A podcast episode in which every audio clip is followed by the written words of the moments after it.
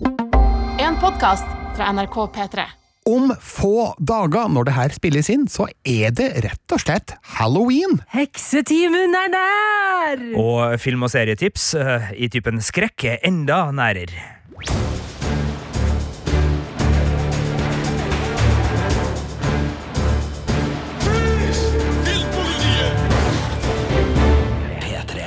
Vi er Birger Vestmo. Marte Hedenstad. Og Sigurd By!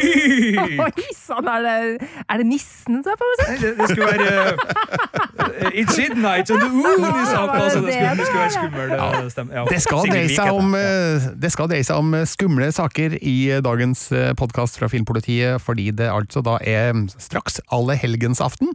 Eller halloween, som vi alle sammen kaller det. Og nå er vi litt over middels glade i skrekkfilm og slasherfilm og skumle serier. Vi har snakka en god del om det her før. Det har vi, eh, og det er jo sånn at det er jo noen ganger litt sånn vanskelig å komme med nye tips, for at jeg, liker jo å trekke frem de gamle filmene igjen og igjen. Altså sånn, jeg ser jo Practical Magic. Bare Ja, si Practical takk. Magic nå, Marte. Din favorittfilm Hokus fra Fokus, ja. practical magic, få det på, få det på! Og hvem som spiller i Practical Magic igjen? Sandra Bullock. Ok, jeg er mer på sånn fredag den 13. og Nightmare on Elm Street og sånn, ikke den barneskrekken du eh, driver og kommer kommer Ja, for det er jo ikke skrekk jeg egentlig driver og ser på. Eh, Jeg ser jo på det som er sånn magisk og hekser og sånn. Ja. Eh, Men en og annen slasher, det kan jeg kose meg med. Men det er rom for eh, alle typer skumle filmer og serier når vi snakker om eh, det her eh, sjangeraspektet, Sigurd. Ja da, vi er jo en redaksjon som går fra å tåle det meste, eh, aka Birger Vestmo, til å skvette av de fleste, aka Marte Hedenstad. Så ligger vel det et sted midt imellom. Men vi har jo laga noen podkaster opp igjennom årene med skrekkfilmtips, både der vi sjøl kommer med, tips, og vi har også hatt besøk av Jørn Kårstad, som kom med alternative halloween-tips for noen år siden. Så hvis du trenger massevis av gamle tips, så er det bare å søke i appen NRK Radio på Filmpolitiets podkast, så finner du flere halloween-spesialer. Men siden vi da ikke ønsker å gjenta oss sjøl, så har vi da via denne podkasten til ferske halloween-tips, altså øh, skrekk og gru som har kommet det siste året, eller siden sist, da, som vi ønsker å trekke fram. Og vi skal vel starte med en film som er så tematisk riktig som det går an å bli, Birger? Det er helt korrekt. Den heter jo rett og slett Halloween Kills og går på kino akkurat nå.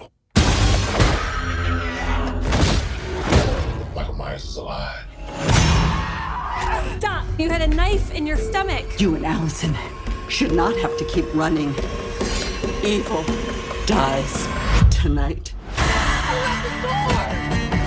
I'm not just gonna sit and watch another innocent person die. If you track Michael's victim, that's a straight line to Michael's childhood home. Vi har snakka om Halloween Kills før på radio, men vi tar en ny runde nå i podkasten, fordi eh, nå er det straks halloween, og ja, jeg tror at hele den dagen har blitt forma av den første Halloween-filmens suksess i 1978. Det var jo da John Carpenter revolusjonerte denne sjangeren med en film som var nyskapende på så mange måter eh, på hvordan den bygde opp skrekken, på hvor langt den kunne gå i eh, sine voldsskildringer. Altså, den starter jo med at et barn begår mord, og den introduserte oss for den maskerte figuren Michael Myers, som tilsynelatende, i hvert fall så langt, er udødelig. For han har virkelig overlevd mye rart i alle filmene som er blitt laga siden 1978. Men jeg lurer jo på, altså hvis vi skal ikke rangere, men altså er det Jason, Mike Myers og Freddy som liksom er de, tro, de tre store fra, fra slasherfilmens uh, barndom i så måte, eller er det noen jeg glemmer her? Og, og, og hvor høyt oppe sitter Mike Myers på den uh, trona? Altså, det er absolutt de tre figurene som eh, rager høyest, du har helt rett i det, men akkurat akkurat eh, den interne rangeringa der jeg er litt usikker eh, på. Jeg er jo veldig glad i Freddy Krüger, da, spilt av Robert Englund i Nightmare on Elm Street-filmene, men jeg har inntrykk av at den Michael Myers-maska har blitt litt mer ikonisk, og er mer til stede i populærkulturen enn det Freddy Krüger kanskje er, men eh, nå er vi inne på et felt der det sikkert finnes mange forskjellige meninger. Men det er helt på det rene at Michael Myers har festa seg i populærkulturen på en, en måte som gjør han stadig om ikke relevant, så i hvert fall fremdeles interessant. Eh, og det er jo da først og fremst nå på grunn av den nye trilogien som eh, David Gordon Green har regien på, hvorav Halloween Kills er den eh, andre. Det kommer jo da en uh, tredje film neste år som skal hete Halloween Ends. Jeg tror det ikke før jeg ser det, at de skal slutte å lage Halloween-film. Men uh, det starta jo da med den forrige som kort og godt het Halloween i 2018, og som er en direkte oppfølger til den aller første Halloween fra 1978. I mellomtida så har det jo kommet massevis av eh, andre Halloween-oppfølgerfilmer, eh, men, men dem bryr de seg ikke om nå, eh, og det skjønner vi jo blant annet fordi i filmen Halloween H2O, som jeg tror kom i 2000, der dør jo Laurie Strode, spilt av Jamie Lee Curtis, helt inna fra den aller første filmen. Uh, hun er da heldigvis tilbake igjen i denne trilogien, og var visst ikke død allikevel. Men da, er vi jo, uh, da har vi jo laga litt sånn som i Marvel Cinematic Universe, som nå driver i serien What If og bygger ut multiverse uh, innenfor superheltlandskapet. Men da lever vi da altså i et multiverse av Halloween, og i denne verdenen så har hun da overlevd. så vi snakker da om ikke Halloween-film nummer 11, egentlig, men Halloween-film nummer tre ja, av fire. Det er helt korrekt. Hvis de forteller oss sannheten denne gangen. ja, det, som sagt, jeg tror det ikke før jeg får se det.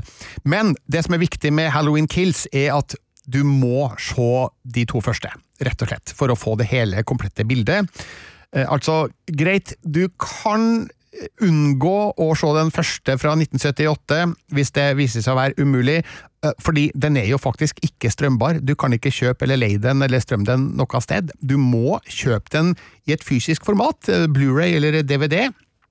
Og det er jo veldig merkelig i 2021 at det ikke skal gå an å se en klassiker som Halloween eh, på, et, eh, på en strømmetjeneste, men eh, det er altså ikke tilfellet, så langt jeg har greid å oppdage. Hvis noen vet noe mer enn det jeg gjør, så må man for all del si ifra, men så vidt jeg vet nå, så er det ikke mulig å se den originale Halloween av John Carpenter på strømmetjenester. Den forrige, Halloween fra 2018, den kan man kjøpe og leie stort sett overalt, og det er spesielt viktig å se den før du ser Halloween Kills, fordi den tar opp tråden direkte fra slutten på den eh, forrige filmen. Og de som så den, vet jo da at eh, Michael Myers han er på ferde igjen da, i den eh, fiktive byen Haddonfield i Illinois, og han er da etter alt å dømme på jakt etter sitt original, originale offer fra den første filmen, Laurie Strode, spilt av Jamie Lee Curtis, som jo var high school-jente den gangen. Nå har hun blitt en uh, godt voksen dame, og jeg husker i anmeldelsen av den eh, forrige halloween så dro jeg en sammenligning da mellom Laurie Strode og um, Sarah Connor i Terminator 2, som også hadde en sånn uh, utvikling da fra å være en sånn ung, jomfruelig uskyldighet i den første Terminator til å bli en sånn hardbarka soldattype i den andre. Og sånn har også Laurie Strode blitt eh, nå. Og eh, hun måtte jo da utkjempe en, utkjempe en, kamp mot Michael Myers i den forrige halloween, som endte i et brennende inferno. Og man kunne jo tro at Michael Myers døde der, men nei da, det gjorde han ikke. Han eh, han kommer seg fri fra den brennende bygningen på et spektakulært og blodig vis. Det for å si det sånn, jeg tror ikke det var så veldig greit å være brannmann i Haddonfield den dagen, og så en på farten igjen. Det som er litt synd da med Halloween Kills, er at Laurie Strode er litt sånn satt ut av spill gjennom store deler av filmen, på grunn av det som skjer i slutten av den forrige Halloween-filmen, og det er jo for så vidt forståelig, for ja, hun blir påført en del skader der. Eh, sånn at det er litt andre figurer som tar mye plass nå da i Halloween Kills, og det er blant annet da hennes eh, datter Karen, spilt av Judy Greer, og barnebarnet Alison, som spilles igjen da av Andy Matichek. Og så får vi i tillegg da stift bekjentskap med mm, et par rollefigurer som vi kjenner fra den aller første Halloween-filmen fra way back When. Eh, Tommy Doyle, nå spilt av Anthony Michael Hall, og Lonnie Elam, spilt av Robert Longstreet. Så her får vi da en utvidelse av persongalleriet fra forrige film til å inkludere eh, tidligere personer fra Halloween-universet, og vi får en sånn eh, fortelling om hva 40 år med Michael Myers terror har gjort med innbyggerne i Haddonfield, og hvordan de nå samler seg eh, til en felles front mot eh, uhyggen som igjen rammer dem. og du hørte i klippet her, eh, det ble sagt 'Evil Dies Tonight', og det er liksom slagordet for innbyggerne i Haddonfield i denne filmen. Nå skal de ta knekken på Michael Myers en gang for all. Tror dere det lykkes? Nei, altså Det har jo Imperiet slår tilbake-problematikken klistra relativt uh, tett her, all den tid vi vet at Halloween Ends er en film som kommer til neste år. Ikke sant. Uh, og sannsynligvis ikke uten en, en Ja. viss uh, ikonisk uh, skurkerolle. Men det betyr jo ikke at det ikke kan være rasende festlig å, å se blodutgyvelsen på, på kino. og det her er jo en film som du så på filmfestivalen i Venezia, og det er jo eh, sånn relativt artig at en eh, såpass eh, drøy sjangerfilm får den plattformen å vises på. Men du er jo relativt begeistra her, Birger, selv om du nå har, har snakka litt om, om rollefigurer du gjerne skulle ha sett mer av. Det, det er en femmer på terningen der. Absolutt er det det. Jeg elsker jo slasherfilm, og dess mer brutalt, dess bedre. Jeg vet at det er ganske sjukt eh, å, å tenke sånn, at eh, mer blod er mer gøy, men sånn tenker jeg på film, vel å merke.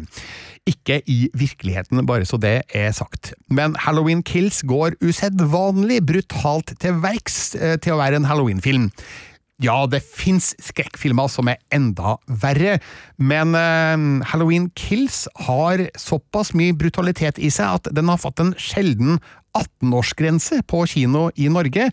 Og det er det ikke mange filmer som får lenger.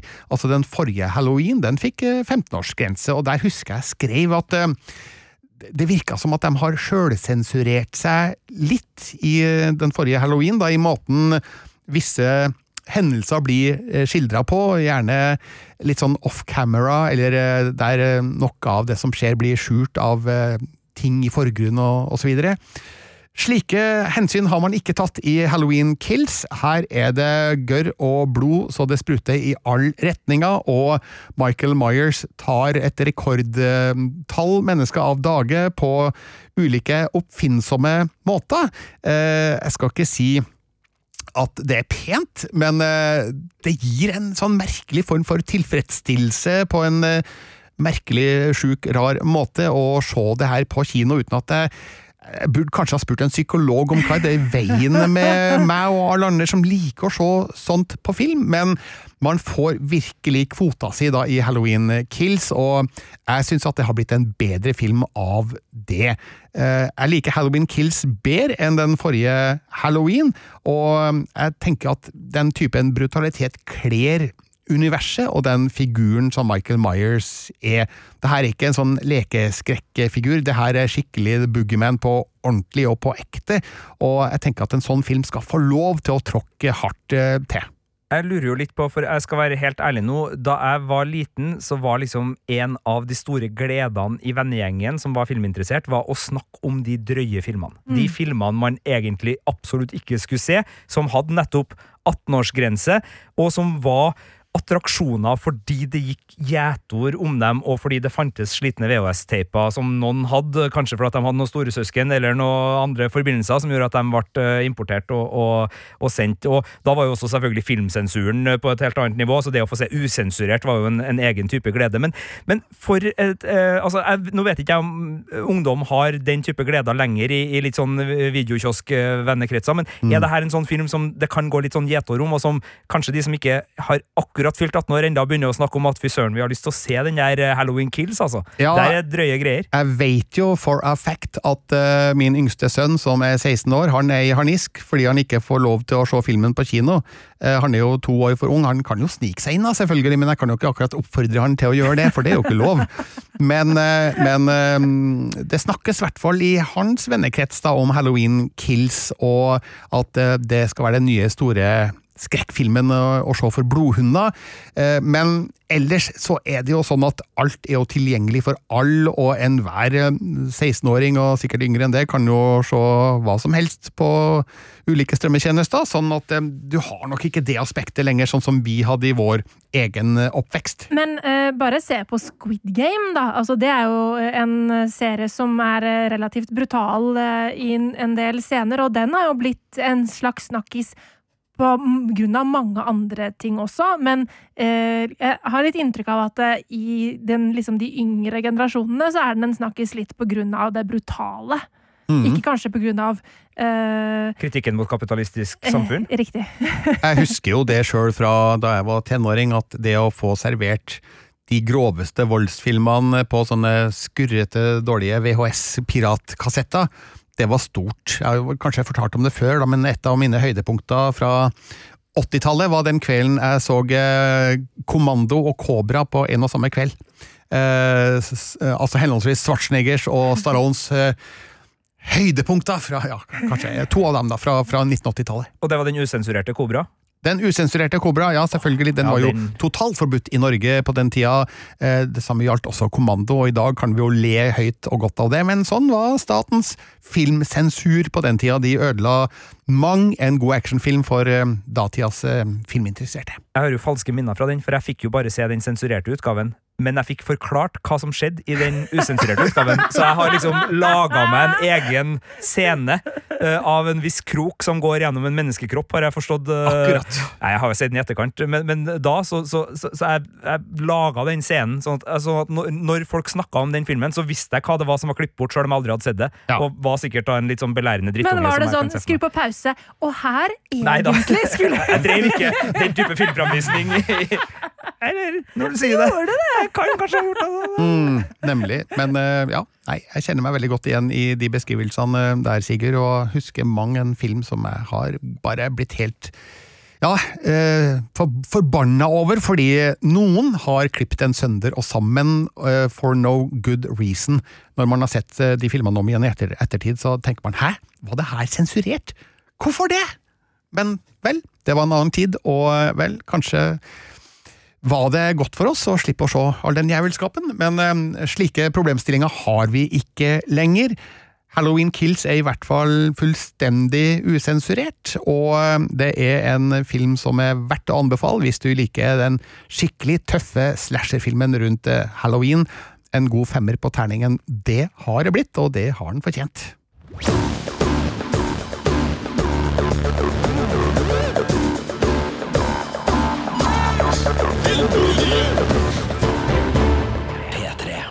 Det skal bli mer skrekk og gru. Kanskje ikke fullt så blodig, men fremdeles veldig bra. Ja, jeg syns det er verdt å trekke fram en eh, serie som kom eh, på slutten av september på Netflix, og som er laga av en fyr som har skremt oss ganske grundig før, men akkurat i denne eh, sjuepisoders eh, Netflix-serien så er det litt mildere og kanskje litt mer uhyggelig. Eh, det her er Midnight Mass.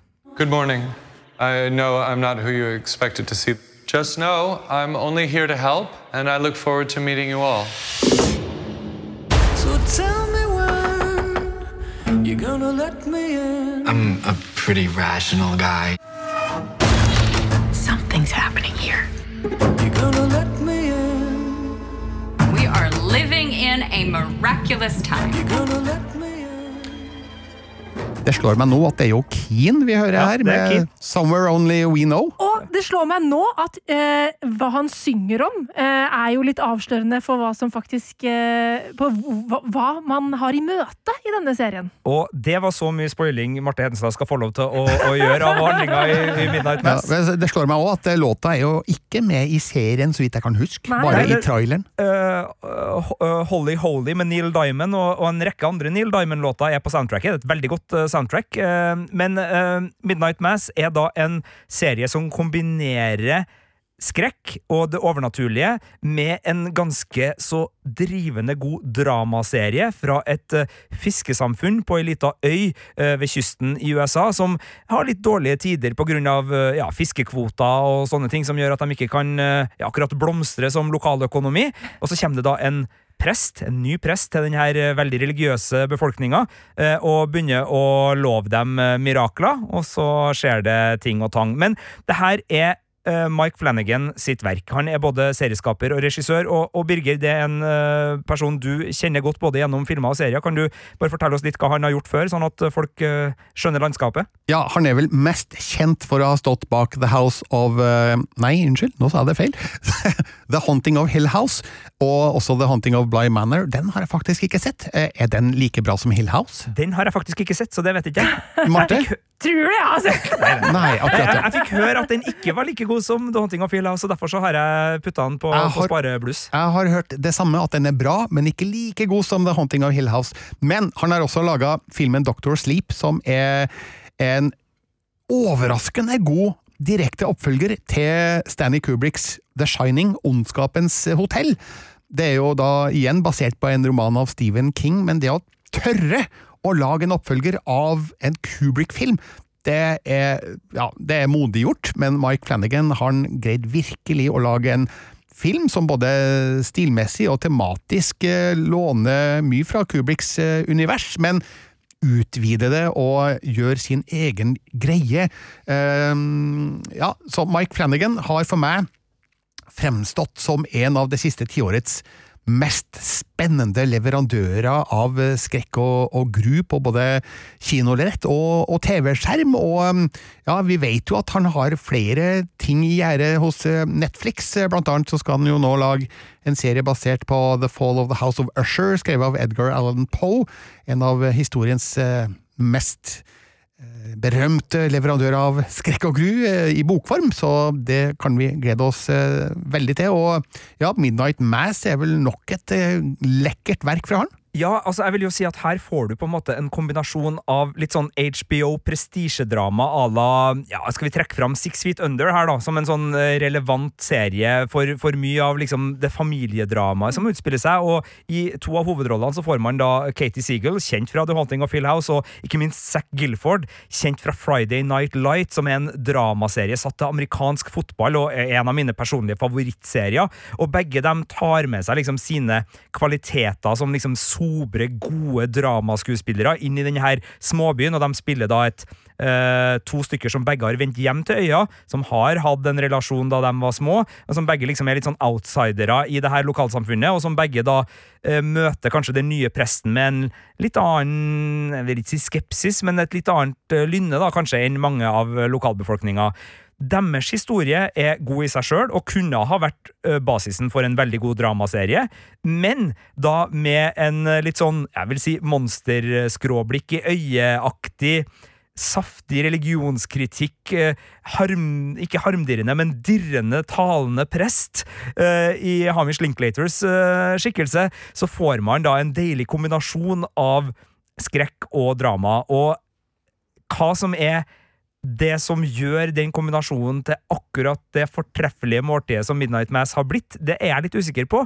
For den har ulike styrker til ulike tider, og den tar seg veldig god tid gjennom sine sju timer. Ja, den har jo, hvis jeg får bryte inn, den har jo flere veldig lange dialogdrevne sekvenser eh, der man kan se for seg at en annen serieskaper hadde klippa veldig heftig i noe av det, men her har du jo samtaler som varer og varer og varer. Du har det, og det gjør jo at man får noen sånne oppgjør. Spesielt øh, det, ja, det er ett oppgjør mellom en av øh, øyas yngste og en av øyas Mm. mest skjeggete og rufsete, som er sånn Oi! Du verden, det her er god TV! Eh, og som skikkelig fester seg. Så du får liksom dramaseriens payoff. Samtidig så får du også to finaleepisoder som er eh, av en helt annen tempo og valør, og hvor eh, ja, jeg vil jo si sånn The Wicker Man og en del andre klassiske skrekkfilmer entrer scenen i referanseramma, og, eh, og, og hvor også det her monsterglimtet i øyet blir litt mer synlig, da, for den er ikke så selvhøytidelig hele tida. Den, den har et humør, øh, og, og det er lov å flire litt også i denne biten. Og litt sånn som en Nick Cave-låt, som ofte da handler om småbyer som er veldig gudfryktig, så klarer også Midnight Mass å plukke fram liksom de dominante personene som er å regne som overgripere nesten mot et lokalsamfunn, ved at de tyner folk med gudfryktigheten. At De straffer dem, de dømmer dem, de holder dem ned. Eh, og spesielt da en eh, eh, viss kvinnelig prestassistent, kirketjener etc., etc., er jo noe av det den største nevemagneten eh, Netflix har bydd på nesten opp igjennom. En fantastisk figur, men vi, må, vi må nevne Hamish Linklater, som du selvfølgelig allerede har gjort, da. men den rollen hans som presten er jo helt fenomenal, og vi snakka litt om det før vi starta innspilling av denne podkasten, at han må jo bli Emmy-nominert, og kanskje til og med vinne, for beste mannlige birolle, om ikke annet. Ja, altså, øh, ja, om det er en hovedrolle Ja, eller en ja, birolle, det- er litt vanskelig å Mm. si. Det er jo en sånn uh, ensemble-serie, det her, hvor castet ikke er på nivå med Game of Thrones i, i utstrekning, altså, men, men et relativt sånn jevnt fordelt hovedpersonfokus på en, ja, om ikke i hvert fall tre, kanskje fem-seks uh, personer. Men ja, han er nok den som stikker seg ut. Men det er egentlig tre-fire rolleprestasjoner her som er Emmy-verdig. Ja, du snakka om eh, denne kvinnelige kirketjeneren Bev. Nå husker jeg ikke i farta hva hun heter. Samantha Sloyan. Ja, eh, Kjent fra Grace Anatomy, og med et uh, utseende som er veldig sånn Jeg vil, jeg vil ikke si uh, eh, hun som spiller Carrie i filmen Carrie. Sissy Spacek. Ja, hun har noen sånne kvaliteter. Mm. Hvis det, dere er med på den. Altså, Ja. det, det er noe litt sånn Både litt sånn skremmende, litt sånn øh, Og, eh, ok, Ja. det, det er noe med det derre Når hun smiler, Ja. så ser hun likevel ut som Satan. Altså sånn, hun har et sånt Hun, hun liksom smiler så fromt, men så bare klarer hun likevel å se ond ut samtidig. Ja, og så har hun noe sånn ivaretatt sånn creepy kid over seg. Ja, ja, ja. Så det er en sånn øh, rar barnlighet som bare Og, og når hun liksom var sånn mm, mm, Ja, å gud. Og du bare kjenner det knyter seg. Ja. Uh, den skinnhellige bedreviteren Bev har jeg skrevet er, er umiddelbart søster Ratched-provoserende. For hun har det der Nurse Ratched-greia, altså hvis vi tar en annen Jack Nicholson-film, uh. Gjøkeredet, da, som, som referansegrunnlag her. Men Midnight Mass eh, Litt seigere enn de fleste Halloween-opplevelser. Uh, ikke så rik på jump scares og ikke på langt nær så skummel som The Haunting of Hill House. men jeg uh, så har jo ikke turt å se noen av de andre uh, seriene til Flanagan. Men jeg har jo sett denne. Jeg har ikke sett den ferdig, men det skal jeg i, i løpet av ja, den neste uken, tenker jeg. Eh, og jeg ble redd, ja. Ja, det er jo noen scener som så avgjort er skumle her, og det er noen effektive jump scares òg, men den er fremst av alt uh, ubehagelig, Ubehagelig, og foruroligende. Mm. Og um, religionskritisk, kan man vel kanskje også si. Eller kanskje ikke kritikk av eh, religion, men av de som utøver den, og kanskje har gått seg litt vill i, i den. Ja, eh, spesielt liksom eh, eh, utsagnet 'slik fanden leser Bibelen' er ikke relevant sånn som det pleier å være her, men, men det, det munnhellet kan få litt annen betydning. For det handler mye om bibellesning, og hvor villig man er til å tolke de tegn som kanskje kommer langs veien. Midnight Mass kan du i hvert fall se fra start til slutt på Netflix.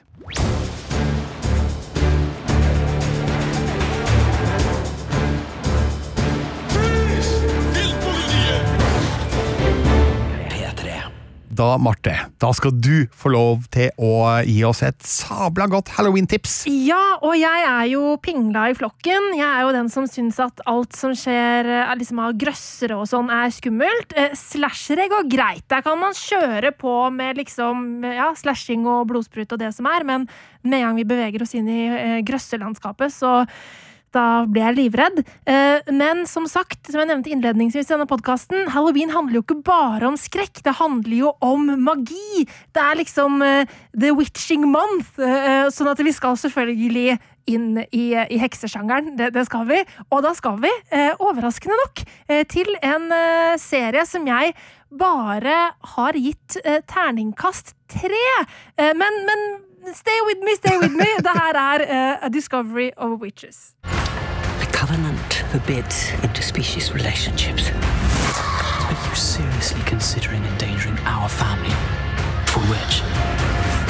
If you do, it'll be war. She is astonishingly powerful. I'm not in control of it. If he breaks the rules, he pays the price. Give her to them. We are bound together. Ja, nå må jeg si jeg er veldig nysgjerrig på hvordan du har tenkt å anbefale en serie du har gitt terningkast til tre, Ja, Marte. ikke sant? Nei, det, var, det er jo fordi at eh, jeg hadde lyst til å ha med litt hekseopplegg inn i denne podkasten. Eh, og jeg har jo tidligere anbefalt eksempel altså, The, The Chilling Adventures of Sabrina, som er en eh, god hekseserie, men som dessverre skuffet i sin siste sesong med en terningkast tre, så den kan jeg jo ikke anbefale. Eh, men derfor så vil jeg nå ta med av Discovery of Witches. Eh, jeg ga sesong én terningkast tre da den kom eh, i 2018, men i år så kom sesong to, og den har jeg ikke anmeldt, men den er mye bedre enn sesong én! Akkurat. Men må ikke man se sesong én for å komme til sesong to? Jo, jo, det må man jo. Eh, Så det er jo på en måte en bøyg. Man må være villig til å eh, komme over en kamel. Man må være villig til å svelge. Men det er faktisk verdt det. Fordi jeg har kosa meg faktisk såpass mye eh, med sesong to av denne serien, som da handler om et univers som er vårt univers, eh, hvor hekser og vampyrer og demoner og alt eh, lever i det skjulte. Det høres, eh, ja, høres det spennende ut, Sigurd? Ja, altså, uh, Jeg må bare kontrollspørre med det. Ja, ja altså, uh, hvis det gjøres riktig. Ja. Eh, men altså, det er jo mye, da. Altså, man har jo heksa i alt fra WandaVision til Absolutt. altså, så, så du kunne ha anbefalt WandaVision her, forresten. Jeg bare Ja, men det. den er ikke nok. Er ikke nok, eh, altså, eh, når, eh, når Agatha-serien kommer, Ja. Og da, Catherine Hahn skal eh, virkelig trollbinde oss. da tenker jeg at vi Ja. snakker halloween. Men det å kombinere hekser, vampyrer og Eh, demoner. demoner Ja. i samme serie. Altså, Supernatural har jo gjort det, og, Mm. og det er jo mange andre som har gjort det. Og, og det kan gjøres uh, bra, men det kan også bli litt rot. Ja. Så det jeg lurer på med Discovery of Witches, er jo liksom sånn, hva er hovedplottet her, og hvorfor har det blitt så mye bedre i sesong to? Okay, Hovedplottet er at uh, vi følger da eh, Teresa Palmer i rollen som heksen Diana, som er en heks som har fått sine krefter bundet. Sånn at hun, hun vet egentlig ikke, hun er ikke klar over sine egne voldsomme evner. Um, og så er det en magisk bok uh, som på en måte Det er en person som kan ha kontroll over, osv., osv., som kan føre til liksom store, uh, farlige ting i dette universet.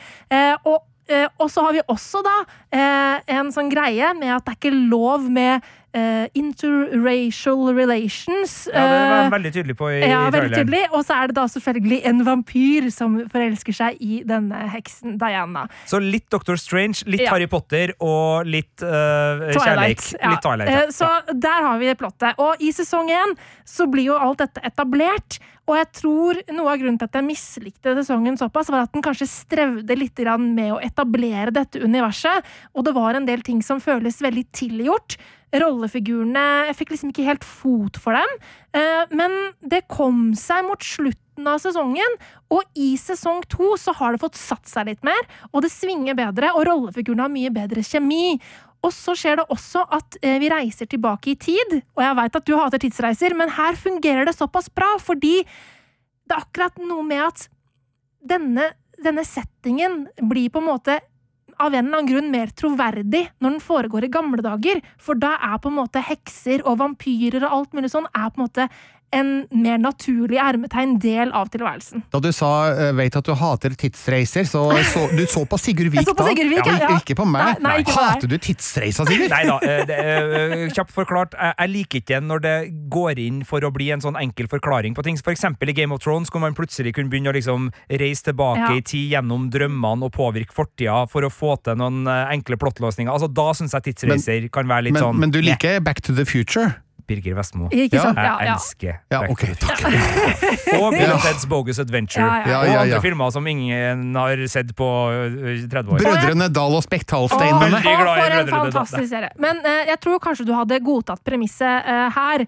Um, sånn at det, jeg må jo si at denne, denne serien her er jo selvfølgelig ikke for alle. Dette her er jo en serie for sånne som meg, eh, som på en måte trenger en ny hekseserie å se på.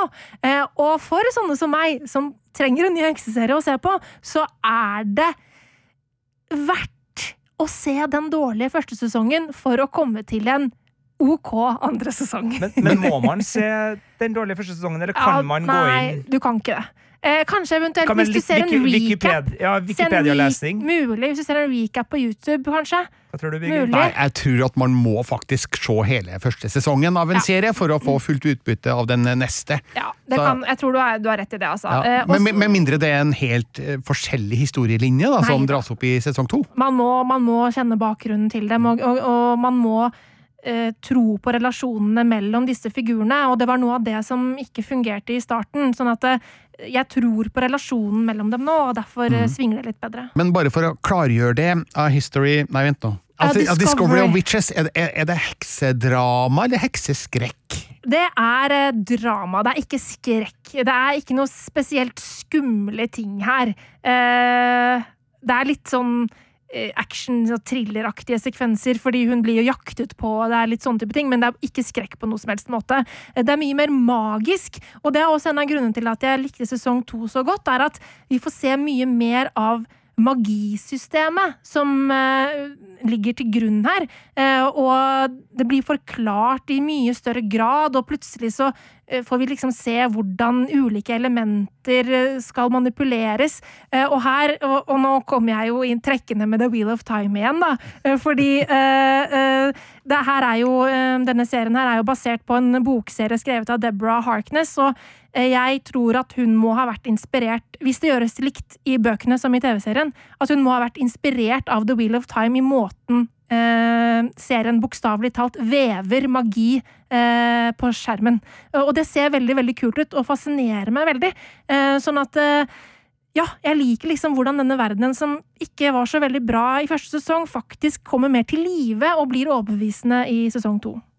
Det her høres ut som en serie for deg, Marte Yes! Hedenstad. Og sånne som meg! Ja, eh, litt eh, nysgjerrig, fordi eh, altså, det, det er jo eh, tid for litt sånn kostymer og utkledning, mm. og halloween er jo veldig hekseorientert, sjøl om film- og, og serietipsene ofte går litt mer i skrekkretningen. Men hvis du skulle, i og med at du er uh, filmpolitiets hekseekspert, hvis du skulle ha liksom, tipsa noen som skal gi litt sånn estetisk inspirasjon, altså hvilke heksefilmer og hekseserier er det som man kan liksom se nå for å få den der Å, sånn vil jeg uh, kle meg ut på halloween, eller, uh, ja, eller Ja. bare få halloween-stemninga fra skjermen. Det spørs jo litt grann, på en måte, Hvis du har lyst til å gjøre et såkalt closet cosplay, så tror jeg jo at uh, The Chilling Adventures of Sabrina er det enkleste å få til.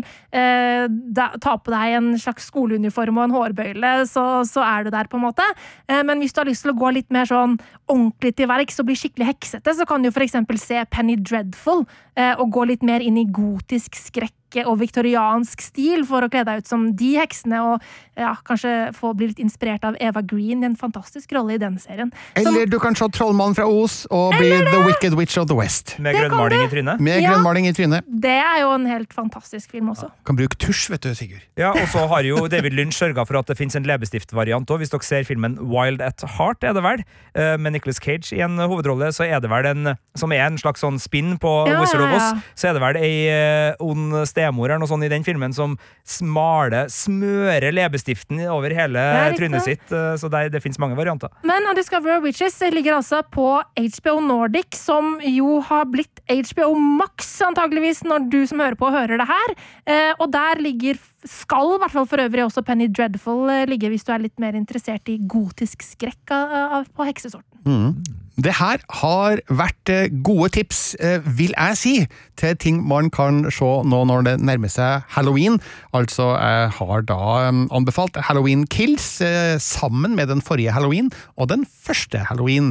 Eh, Og du, Sigurd, eh, du Midnight Mass på, på Netflix. eh, En slags eh, åndelig oppfølger til The Haunting of Hill House, i hvert fall fra samme serieskaper. Og så vil jeg bare skyte inn veldig kjapt at jeg også har sett uh, Muppetnes uh, Halloween-spesial Ja. og uh, begynt på Star Wars-Lego sin Halloween-spesial, begge på Disney Pluss. Og eh, det var ingen av dem som liksom ropte 'wow'! Men, men det er jo uh, Halloween-påfyll også på ja, eh, alle Ja, ja. Eh, Og hvis du har lyst til å se pene tenåringer bli myrda på Hawaii, så kan du jo òg eksempel se eh, remaken av uh, I Know What You Did Last Summer, som ligger ute på Amazon Prime Video. Det er en terningkast tre-serie fra meg, men altså, hvis du har lyst på noe lettbeint slasher Og hvis eh, du, Marte, kjenner noen som er veldig glad i jul, så kan man jo faktisk se A Nightmare Before Christmas, fordi Yes. deler av handlinga er jo lagt til Halloween Town. Er det den eneste filmen du tillater at Altså eneste julefilmen du tillater fordi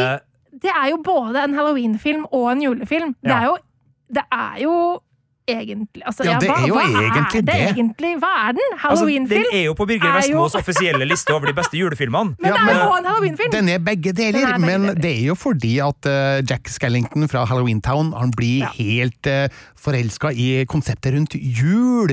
Så det, det går jo den veien, da. Det det. Og da er det jo mest en julefilm, tenker jeg. Ja, men du kan komme unna med det og se den nå og, og si at det er fordi at den har jo halloween-ting i seg. Nå, nå eh, blir den podkasten litt lengre enn den skulle være, men jeg skal bare fyre inn på, som en sånn siste der. eh, en annen julefilm, for Marte har et veldig strengt regelverk på at du kan ikke uh, verken drikke julebrus, juleøl, spille julemusikk Kan jeg bare, kan jeg bare si en ting? Jeg har altså handla inn ville mengder julebrus allerede. Oi! Fordi det har kommet i butikken, og jeg må jo begynne å hamstre, for dette, det blir jo utsolgt. Eh, så nå, Men det står i boden oppe, og det er ikke lov å drikke det. Men, eh, ja, okay, og det er før første søndag i advent eller Ja. før første desember. Den som kommer først. Det, det er reglene dine. Ja. Men som vi har etablert, det fins noen smutthull. eh, altså julefilmen eh, A Nightmare Before Christmas, Ja. fordi den er halloween. Mm. Og så kommer jeg med et nytt forslag nå.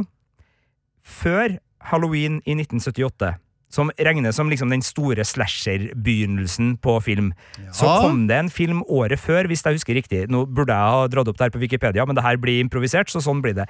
Som het Black Christmas.